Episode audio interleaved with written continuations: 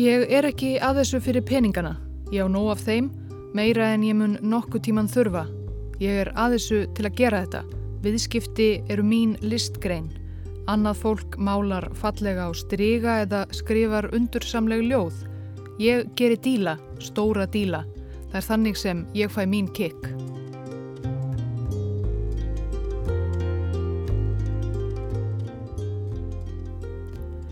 Ágæti hlustandi, svona hefst bókin The Art of the Deal, listin að díla, eins konar sjálfsæfisöguleg sjálfsjálfarbók eftir bandaríska auðjöfurinn Donald Trump sem nú sækist eftir því að verða útnemtur frambjöðandi republikanaflokksins í fórsetakostningunum þar vestanhafs í november.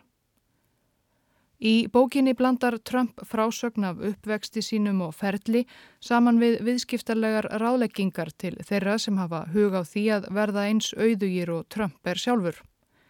Þetta metsöluritt kom fyrst út 1987 og hefur selst í bílförmum síðan þó deilt sé um hversu mikið af bókinni Trump skrifaði sjálfur.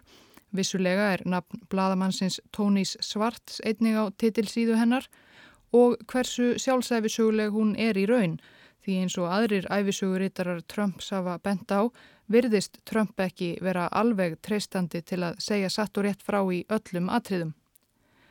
Þannig heldur Trump því til dæmis til streitu í bókinni að Trump fjölskyldan eigi rætur að reykja til svíþjóðar þó það sé alþægt lígi sem fadir hans, fastegna jöfurinn Fred Trump, kokkaði upp á árum setnastriðs þegar þjóðverjar eins og hann sjálfur voru ekki hátt skrifaðir í bandaríkunum. Hið rétta er eins og hlustendur fengu að kynnast í fyrri þætti í ljósi sögunar þar sem ymmit var fjallaðum ættir Donalds Trumps. Hið rétta er að afi hans Frídrik Trump flutti 16 ára til New York frá Karlstad í vestanverðu Þískalandi árið 1885 til að freysta þess að koma undir sig fótunum í nýja heiminum og græða peninga. Það tókst honum meðal annars með því að setja á fót veitingahús og hótel í vestanverðum Bandaríkunum og Kanada þegar gullæðið stóð sem hæst. Stopnanir þar sem bóðið var upp á allt sem unga gullgrafara fýsti, hvort sem það var matur, drikkur eða þjónusta vendiskvenna. Það var sonur Frídriks sem bar amerikanskari útgáfu af nafni föðursins, Fred Trump, sem fór út í fastegnabisnissin sem flestir tengdu lengsta við nafnið Trump. Það er að segja kannski áður en sonurinn Donald fór að skipta sér á pólitík. Fred Trump gerðist stórtækur á kreppu og stríðsárunum og byggði meðal annars margar risastórar íbúðablokkir fyrir efnalitla í Queens og Brooklyn í New York í samstarfi við bandarísk stjórnvöld. Ágæti hlustandi, yfir þessa sögu þegar Frídriks og Freds var farið í fyrri þætti í ljósi sögunar en nú ætlum við að beina ljósinu að afabarninu og sininum sjálfum Donald Trump.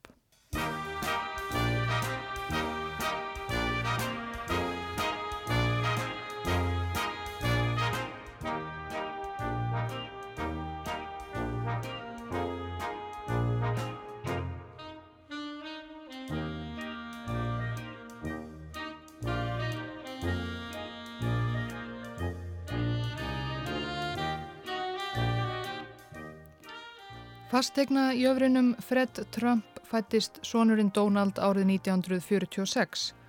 Hann var þriðja batnið, næst elsti sonurinn og skýrður eftir móðubróðu sínum, skotanum Donald á Suðuregjum, hvaðan móður hans Mary Trump hafði flutt til bandaríkjana sem unglingur.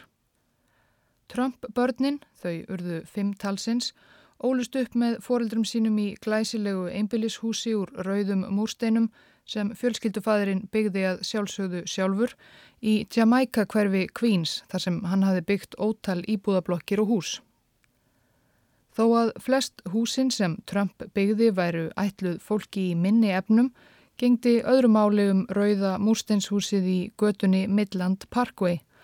Þar voru 23 herbergi, nýju baðherbergi og það sem ánefa var eitt af allra fyrstu sjónvarstækinum í Jamaica vinnukonan Emma og bílstjórin George og tveir Cadillac glæsivagnar með enganúmerinn FT fyrir Fred Trump 1 og 2.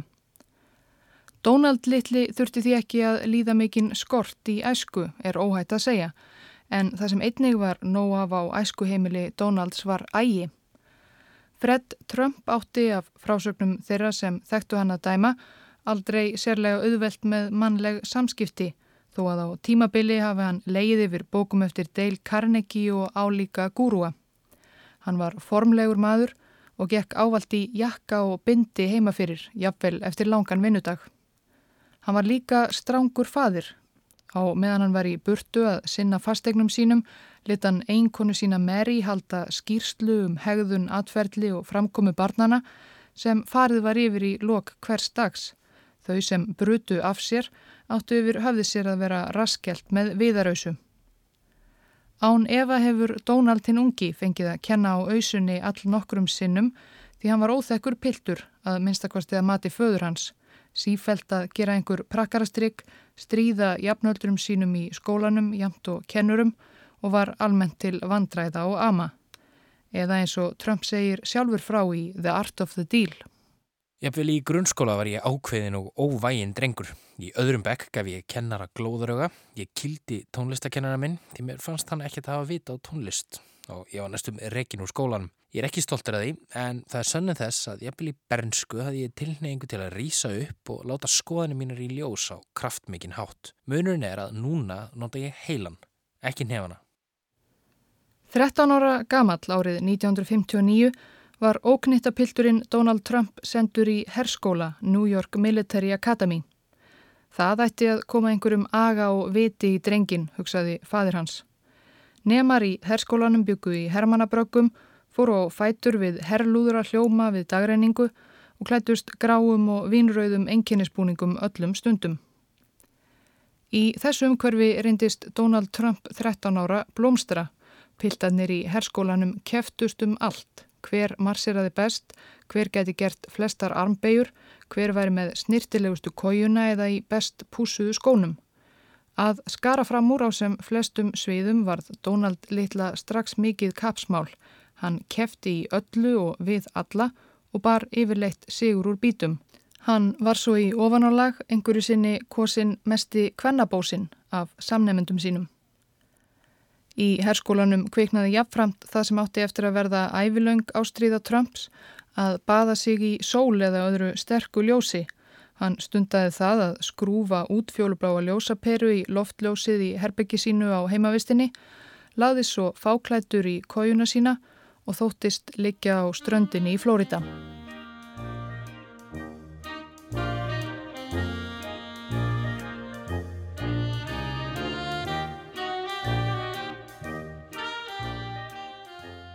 Mest áhrif á mig í esku hefði fadur minn, Fred Trump. Ég lærði mikið af honum. Ég lærði að vera hardur af mér í mjög hörðum bransa. Ég lærði að hvetja fólk til dáða og ég lærði um færni og atorku. Koma, klára málið og koma sér svo burt. Meðfram skólagöngunni fekk Donald kennslu í því mikilvægasta í fastegna viðskiptum frá föður sínum sem tók piltin af og til með sér í vinnuna, síndi honum byggingalóðir og leta hann sinna ýmsum verkefnum. Úr herskólanum lág svo leið Trumps í námi viðskiptafræði við Fordham háskóla. Það er lítill katholskur háskóli í Bronx, kannski ekki sjálfsagt val fyrir mann eins og Donald Trump.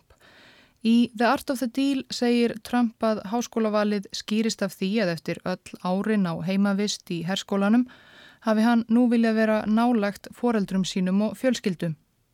En þrátt fyrir að hann hafi stimplað sig inn sem leðtoga í herskólanum fekk hann ekkert sérstakar engunir þaðan og sýstir auðjöfursins Marianne Trump viðurkendi fúslega við æfisögurítara að bróðir hennar hefði farið í Fordham háskóla einfallega vegna þess að þar komst hann inn og ekki annar staðar. Hann gerði sitt besta til að falla inn í stúdendahópin í Fordham þó ekki væri hann katholskur og augljóslega af miklu meiri efnum en samnefndur hans. Það kom af og til vel í ljós eins og þegar hann vildi prófa nýtt og glansandi golfkilfusett í keppnisferð skvassliðs háskólans til Washington og sló hverja glænýja kúluna og fætur annari beinustuleið út í á og meðan liðsfélagar hans fyldust forviða með en hann staldraði ekki lengur við í skólanum en hann þurfti. Eftir tvö ári í Fordham var hann komin með nógu góðar engunir og vitnisspurð til að geta flutt sig yfir í hinn fornfræga Pennsylvania háskóla. Það var haustið 1966 sem Trump kom í penn eins og háskólin er gerðnan kallaður. Það voru umbróta tímar í flestum bandarískum háskólum. Stúdendar mótmæltu hinnu endalösa Vietnamstríði og reyktu grasa á skólalóðum. Viðskiptafræði deild Penn var þó eiginlega alveg undanskilin þessum tíðaranda. Þar gengu stúdendar ófrávíkjanlega í jakkafötum og með bindi í kjenslustundum, keftu í róðri og letu sig lítið varða þjáningar vietnamskrar alþýðum. Það sem helst lokkaði Trump til penn var að viðskiptafræðiteildin þar var ein af fáum námstofnunum í bandaríkunum þar sem bóði var upp á sérnám í fastegna viðskiptum. Fastegna fræðanematnir voru jáfnvel enn einangraðri innan háskólans en þeir sem lögðu bara stund á venjulega viðskiptafræði. Flestir voru þeir eins og Trump sjálfur erða prinsar fastegna velda komnir að afla sér þekkingar til að geta svo tekið við fjölskyttufyrirtækunum. Dag út og dag inn stútiruð þeir fjármögnunar, aðferðir og bókald, húsnæðislán og verðmat og fleira álíka spennandi stús. Trump heldi sér í námið af fullum krafti. Engu tíman var hann spurður af hverju hann hefði valið emitt þetta. Af því að ég ætla að verða fastegna kongur New York, svaraði hann.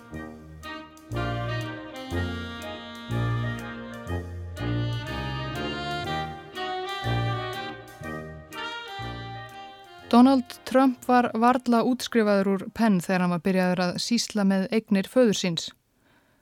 Það var þá orðið ljóst að elstisvonurinn sem hétt Fredrik eins og fadurinn myndi ekki taka við fjölskyldufyrirtækinu. Fred Yngri var aðstóðarmadur föður síns um nokkura ára skeið en reyndist kvorki hafa áhúan nýja sálarþrekið sem til þurfti. Hann var þá endanum flugmaður en neyðist aðalega til flöskunar sem á endanum dró hann til ótíma bærstöiða. Ábyrðin kvildi því á Donald og hana axlaði hann með glöðu geði. Árið 1964 hafi Trump eldri söðlaðum haldið út fyrir borgarmörk New York og keift stærsta íbúðarblokkakompleksin í Cincinnati og Ohio, svæði sem kallaðist Swifton Village. Blokka samstæðuna fekk Trump á brunaútsölu Enda voru þetta þá með allra ósjálegustu byggingum í Cincinnati í algjöri niðuníslu og að mestu mannlaus. Mörgum fannst að með þessum kaupum hliti Trump gamlega vera orðin galinn. Þar á meðal var hans eigin móðir, hinn Þíska Elisabeth. Hún var komin langt yfir áttrætt en fyldist enn vel með umsvifum sonarins. En Fred Trump hófst handa við að gera upp byggingarnar sem mynduðu Swifton Village og koma svæðinu í ásættanlegt horf. Við skipulag og umsjón með þeirri vinnu naut Trump gamli digrar aðstóðar sonar síns Donalds. Þeir feðgar flugu oft til Cincinnati til að fylgjast með framkandunum hvort allt færi ekki vel fram. Og smátt og smátt fór fólk svo að flytja aftur inn í Swifton Village. En þó ekki hver sem var, Það var vegna íbúða í Swifton Village sem mannreittindadeild bandaríska dómsmálaráðuneytisins höfðaði mál gegn Trump sem var sagt stuttlega frá í síðasta þætti um þessa ágætu fjölskyldu. Blökkufólki var þá ítrekkað neitað um að fá að leia þar íbúðir þó þau hefðu fjárráð til og fulltrúar mannreitindasamtaka voru hraktir burt með svívirðingum. Þetta eru fáránlegar ásakanir saði Donald Trump fjölskyldu fyrirtækinu til varnar í viðtali við New York Times þann 16. oktober 1973. Við höfum aldrei mismunað fólki og myndum aldrei gera slíkt. Þetta var í fyrsta sinn sem borgarblæði talaði við þennan upprennandi fastegnajöfur en ekki það síðasta. Þegar feðgarnir höfðu gert Swifton Village upp og komið í sæmilegt horf fól fadirinn svo síninum að sjá um að selja egnina sem hann gerði í desember 1972 á 6,75 miljónir dollara. Donald Trump var 26 ára og hafði gert sinn fyrsta marg miljón dollara díl.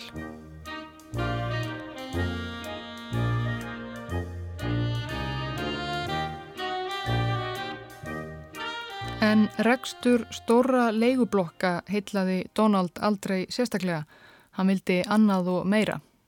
Fyrir það fyrsta var bransinn hans pappa aðeins of harkalegur fyrir minn smekk og ég meina líkamlega harkalegur. Ég man eftir því að það var fyllt mönnunum sem við kölluðum leigusafnarana. Fyrir það starf þurfti maður að vera stór og sterkur því þegar komaði að innhemta leigu frá þeim sem vildu kannski ekki borga skipti stærðin meira máli en gáfurnar. Og hitt sem heitlaði mig ekki var að hagnaðurinn var svo lítill. Maður var alltaf að telja auðra og það var ekki pláss fyrir neitt luxus. Ég hefði háletar í drauma en það. Donald Trump nefndi ekki Queens og Brooklyn. Hann vildi til Manhattan.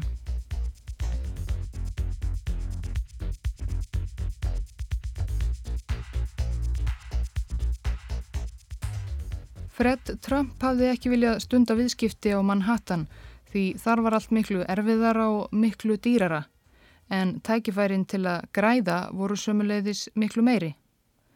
Það var erfitt fyrir nýgræðing að komast inn á Manhattan fastegnamarkaðin en Donald Trump ákvaði að fyrsta skrefið væri að setjast þar að sjálfur. Hann kefti sér þakki búð á Upper East Side, ansi litla á dimma en þó þetta var vissulega þakki búð á Manhattan og tók í snarhasti upp lífstíl hins unga, ríka og áhyggjulösa Piparsveins í Stórborginni. Hann gekk í engaklúb og brunaði á Cadillac blæjubíl á skrifstofu Trump-veldisins. Hún var reyndar lengi enn í Brúklinn í frekar óglæsilegu húsnæði sem áður hafði hýst tannlæknastofu.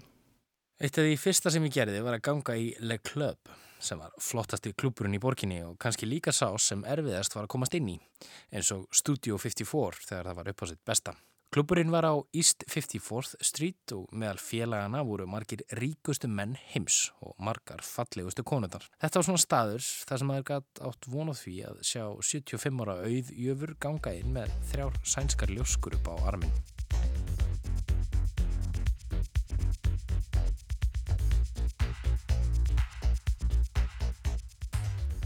Í æfisögu sinni The Art of the Deal segir Trump að það hafi ekki síst verið ríkisbubbarnir sem hann kynntist á Le Club sem hjálpuðu honum að koma undir sig fótunum á Manhattan. Án Eva og þrátt fyrir að Trump gamli hafi ekki látið sig Manhattan miklu varða hefur ekki heldur komið að sög að vera svonur eins stórtækasta fastegnajöfurs New York borgar og bera þetta eftirnafn Trump sem þeir feðgar vildu meina að væri allsænst. Allavega leið ekki á löngu þar til Donald Trump var búin að handsala einn stærstu fastegnaviðskiptin í sögu New York borgar til þessa. Kaup á risavaksinni lóð á vestanverðir Manhattan bakka Hudson árinar úr þrótabúi lestarfélagsins Penn Central. Fastegna fyrirtæki í stórborginni keftust ákaft um kaupin á lóðinni sem var afar álitleg til nýbygginga en Trump hinn ungi varðla 28 ára gamall hrefti hnossið. Líklega var það mikilvægasta sem ég gerði að selja fólkinu sem sá um söluna úr þrótabúi Penn Central sjálfan mig. Ég gæti ekki selgt þeim reynslu mína að afreg, svo ég seldi þeim orkuna og eldmóðin. En það var raunar fleira sem kom til en eldmóður. Það sem Trump nefnir ekki í æfisugu sinni er að borgarstjóri New York á þessum tíma, Abraham Beam, hafði þegið framlög í kostningasjóði sína af Fred Trump eldri um ára bil og var góður vinur Trump feðga begja.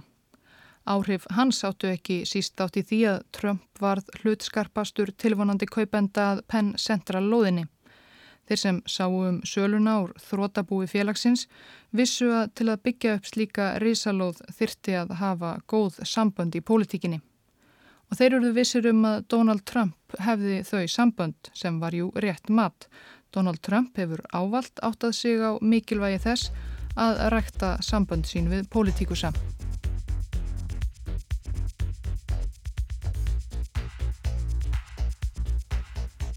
Penn Central landaregnin fekk síðar nafnið Riverside South og þar standa nú 19 háhísi með á 70.000 íbúðum. En það var ekki þessi risadill sem vakti aðtikli hins almenna New York búa á nafninu Donald Trump. Penn Central hafi verið stopnað 1968 með saminningu tveggja risavaksina lestarfélaga, Pennsylvania Railroad og New York Central.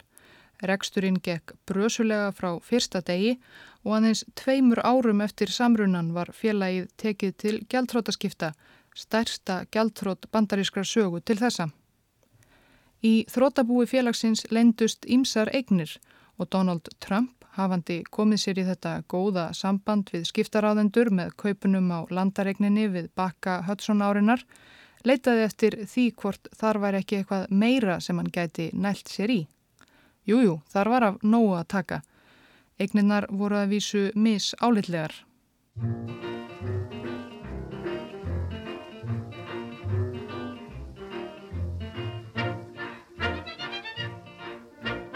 Commodore hótelið við Grand Central lestarstöðuna á Manhattan var byggt 1919 og var um árabil fínasta hótel New York með foss í lobbyinu og svo stóran dansal að sirkusfílar tróðu þar stundum upp fyrir skemtana þyrsta brottborgara.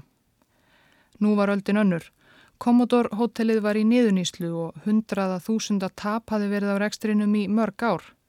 Síðustu gestunum, miðaldra hjónum frá St. Louis í borgarferð, var skipað að hafa sig á brott síðdegis 18. mæ 1976, hótelið væri farið á hausin. En þá steg Donald Trump inn.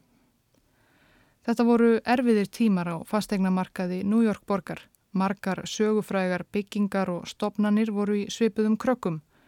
Fred Trump eldri leist svo ítla á fyrirætlanir svona reynsum að kaupa hótelið hann mun hafa líkt því við að berjast um plásum borði í Titanic. En það gerðan. Trump keifti Commodore hotellið og lóðina sem það stóð á. Líkt og þegar hann keifti Penn Central lóðina gerði hann það án þess að leggja nokkuð reyðufía á borðið heldur með flókinni tilhugun sem fól í sér lántökur, lovorðum, niðurgreislur og ívilnanir og flest annað sem hægt var að koma fyrir í einum fastegnasamningi. New York Times kallaði þetta ein flóknustu fastegnaviðskipti í borginna flóknu fastegnaviðskipta. Trump hafði með sér hótelrísan Hyatt sem átti að sjá um sjálfan reksturinn en byggingu hins fornfræga Commodore Hotels umbreytti hann nákvæmlega eftir eigin höfði. Þunglamaleg steinframhliðin frá 1919 fekk þannig að víkja fyrir nýjustu tísku í glansandi speilgleri og innan dyrra var allt þakið marmara og skínandi látúni svo að íburðurinn og glamurinn svo gott sem draup af hverju strái og ljósaherðar glæsimegjar syndu gestum.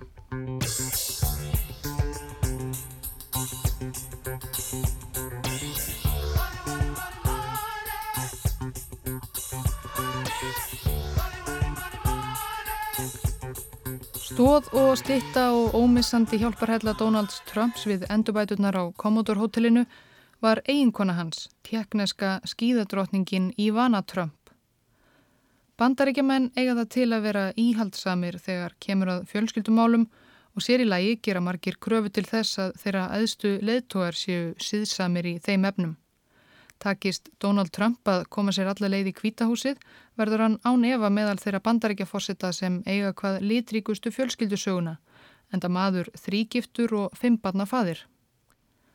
Þau í vana skildu 1991 Þá hafði bandbrjáluð gulapressa bandaríkjana lengi smjattað á leinilegu sambandi Donalds við aðra konu, fegurðar drotninguna Mörlu Maples, nokkuð sem endaði með opimberu háfaðarifrildi og riskingum þegar svo óhefilega vildi til að konurnar tvær rákust óvart hver á aðra, hvar annar staðar, en í skýðabrekkum Aspen. Hjónaband Donalds og Mörlu endist ekki nema tæp fjögur ár. Það sem eftirlifði tíunda áratögarins voru kvennamál Donalds Trump áfram áberandi í slúðursneplum, ekki síst vegna þess hver fús hann var sjálfur til að tjá sig bæðum sín engamál og skoðanir á þessum og hinnum konum.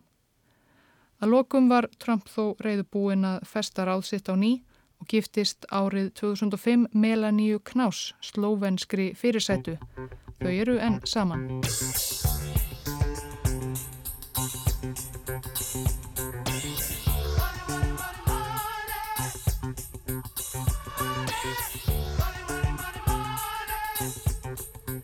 Undir lok áttunda áratögarins kveiknaði hugmyndi kolli Donalds Trump. Hún var einföld, hann langaði til að byggja skíakljúf og vekja um leið á sér almennilega aðtikli og auðvitað græða formúu. Fyrirmyndin var Olympic-turnin á Fifth Avenue á Manhattan sem gríski skipakongurinn Aristoteles Onassis hafði nýlega lokið við að byggja og hýsti bæði rándýrar luxusýbúðir og skrifstofuhúsnæði með glæsi verslanir á jarðhæðinni.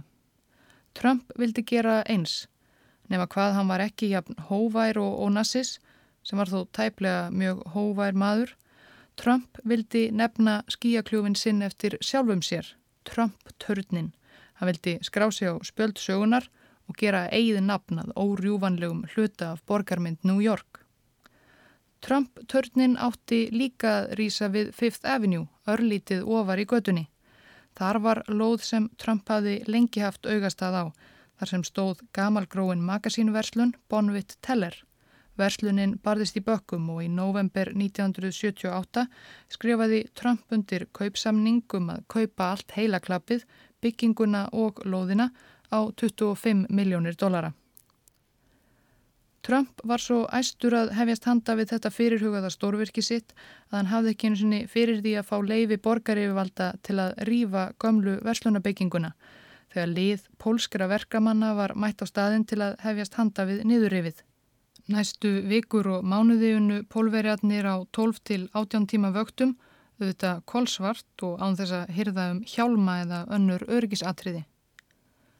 Bonvitt teller bygginguna skreittu glæsilegar art deco lámyndir úr kalksteini sem aðlega síndu fáklættar konur.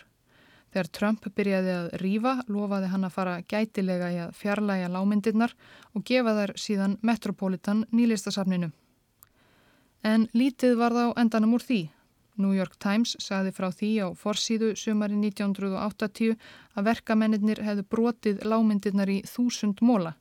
Talsmaður Trumps saði í samtali við bladið að það hefði reynst of erfitt að fjarlæga þær á örugan hátt, of dýrt, meinti hann auðvitað. Þar að þau ekki hefði þessar lámyndir í raun ekki haft neitt listrænt gildi, saði talsmaðurinn. Það má spyrja sig hvort það hafi einmitt verið hlutverk Donalds Trump að dæma um það, en hann hristi alltjönd af sér neykslan sapnamanna á listunenda og helt áfram að byggja turnin sinn. Hún var nokk sama um eitthvað gamalt drasl.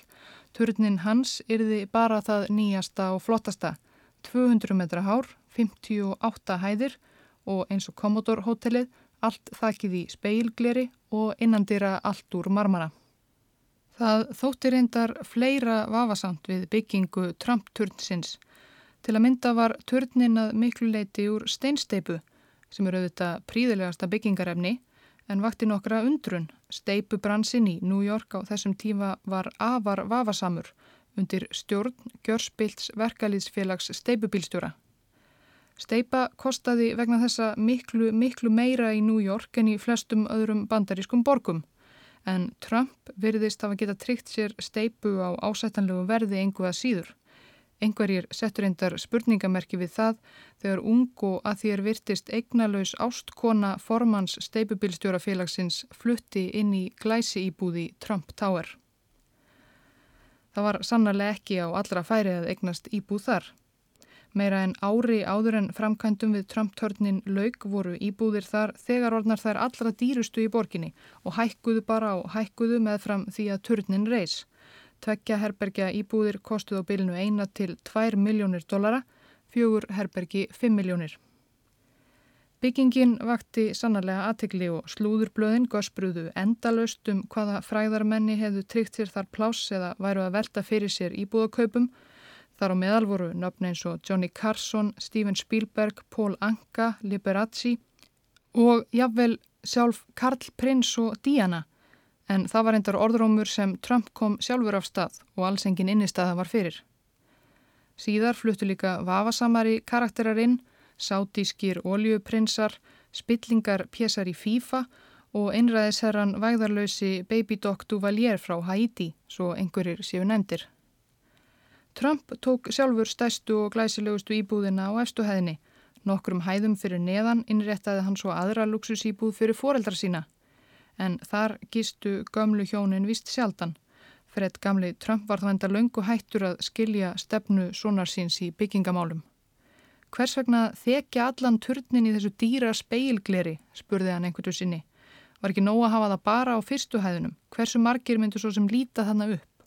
Og lögunin, hvers vegna öll þessi óþarfa horn var þá ekki bara meiri hætta á leka?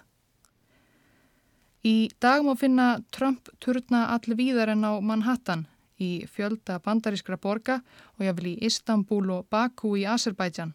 Sumuleiðis fleiri Trump byggingar, hvort sem það er Trump International, Trump Plaza, Trump World Tower og svo auðvitað spilavítið sindrandi í Atlantic City, Trump Taj Mahal sem kostaði meira en miljard dollara í byggingu og var opnað með gríðarlegu pompi og prakt sem áttunda undur veraldar 1990. Trump gave Michael Jackson a personal tour of his 1.2 billion dollar extravaganza. Skömmu eftir að rekstur spilavíta var gerður löglegur í Atlantic City í New Jersey 1978 slóst Donald Trump í leikin. Ástæðan var ekki síst vonum skjótan gróða. Hótelin og háhísin hafði hann hingað til fjármagnað með því að víla og díla og þó að viðskiptin gengu ágæðlega var hann enn upp á auðæfi föður síns komin til að fjármagnað þann luxus lífstíl sem hann hafði tamið sér og pappigamli var ekki alltaf alveg samvinnu þýður. Donald Trump vildi því standa á eigin fótum og þess vegna fór hann að byggja spilavíti, fyrst Trump Plaza og svo Trump Taj Mahal. En þó að segladnir hafi flætt um götur Atlantic City á þessum tíma reyndust spilavítin líka vera erfiður bransi. Taj Mahalið magnaða, áttunda undur veraldar, varð gjaldtróta eftir aðeins eitt ár í rekstri.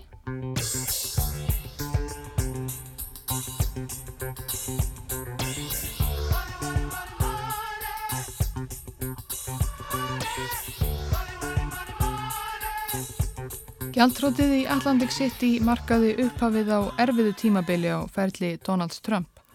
Um árabil gekk flest á afturfótunum hjá okkar manni hvert gjaldrótið rak annað og aðeins nömlega náði hann að komast hjá persónulegu gjaldróti sjálfur. Það sem varðanum ekki síst til bjargar var að hann fór í auknum mæli að einbeita sér að öðru en fastegnaviðskiptum.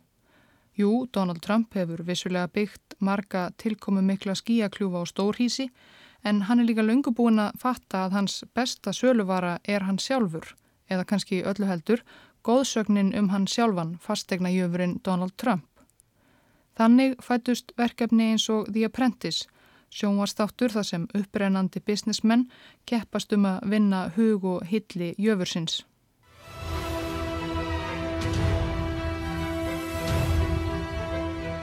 New York, my city where the wheels of the global economy never stop turning. Svo er það The Art of the Deal sem við höfum lesið upp úr hér í þessum þætti og ótal fleiri bækur þar sem Trump fjallar fjálglega um eigið viðskiptavit og áræði, hugsaðu eins og miljardamæringur, hvernig á að verða ríkur, að komast af á topnum og Trump spil, Trump född, Trump steikur, Trump drikjarvatn, Trump ragspýri, ilmur hins metnaðar gjarna manns. Everything's set for tonight, Mr. Trump. I wonder what Trump's game is this time. Trump's got a new game. Hey, Trump's got a new deal. What's your game, Donald? Trump has a new game. What is it? Is it an airline? A new convention center, Mr. Trump. Is it a convention? En hversu mikið er til í þessari góðsögn? Auðvitað allt, segir Trump sjálfur. Aldrei í sögubandaríkjana hefur nokkur eins velmegandi og árangursríkur og hann sóst eftir fórsetæmbætinu eins og hann saði í viðtalið við bandaríks dagblaði fyrra. En það eru ekki allir á sama máli. Sjálfur gefur Trump aðeins upp óljósar tölur um auðsinn og sögum þess hver uppbygging viðskiptaveldis hans er flókin er erfitt fyrir utanaðkomandi að henda reyður á því. Viðskiptaritið Forbes gerði tilrönd til þess nýlega og gískaði þá á að eigið fyrir hans væri um fjórir miljardar dollara sem þýðir að hann kemst ekki eins og listan yfir hundrað auðugustu miljardamæringa bandaríkjana.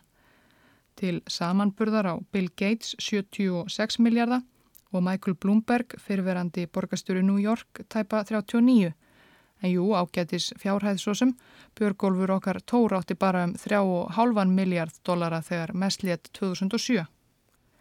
En jafnvel í samanburði við aðra fastegna konga er Trump ekkert sérstaklega merkilegur papýra þér virðist. Viðskiptaveldi hans er ekki nema einn sjöundi af stærsta fastegna fyrirtæki bandaríkjana. Breska tímaritið Economist reyndi sömulegis að meta framistöðu Trump sem businessmanns í grein sem byrtist fyrr á þessu ári. Í meðalagi var niðurstaðan jáfnvel frekar slæm á heldina litið. Verðum við þá ekki bara að vona að hann standi sig betur í starfi ef hann verður fórseti.